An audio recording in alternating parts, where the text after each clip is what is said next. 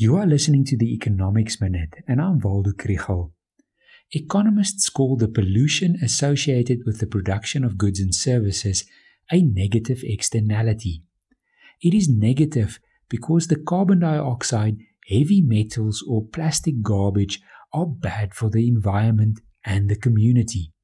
It is external to the price system because the damage caused by the pollution is not taken into account in the price of the product. This may soon change. The European Union is currently considering a proposal to levy a carbon border tax adjustment on the goods imported from countries that are heavy users of coal, oil, and gas.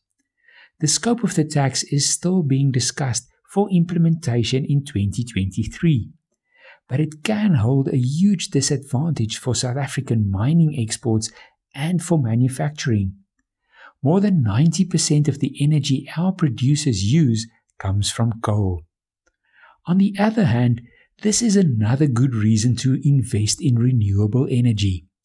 Solar power and wind farms will not only alleviate our Eskom problems, but also help make exports more competitive investors have money available for so called decarbonization projects, and this can be a serious driver of growth.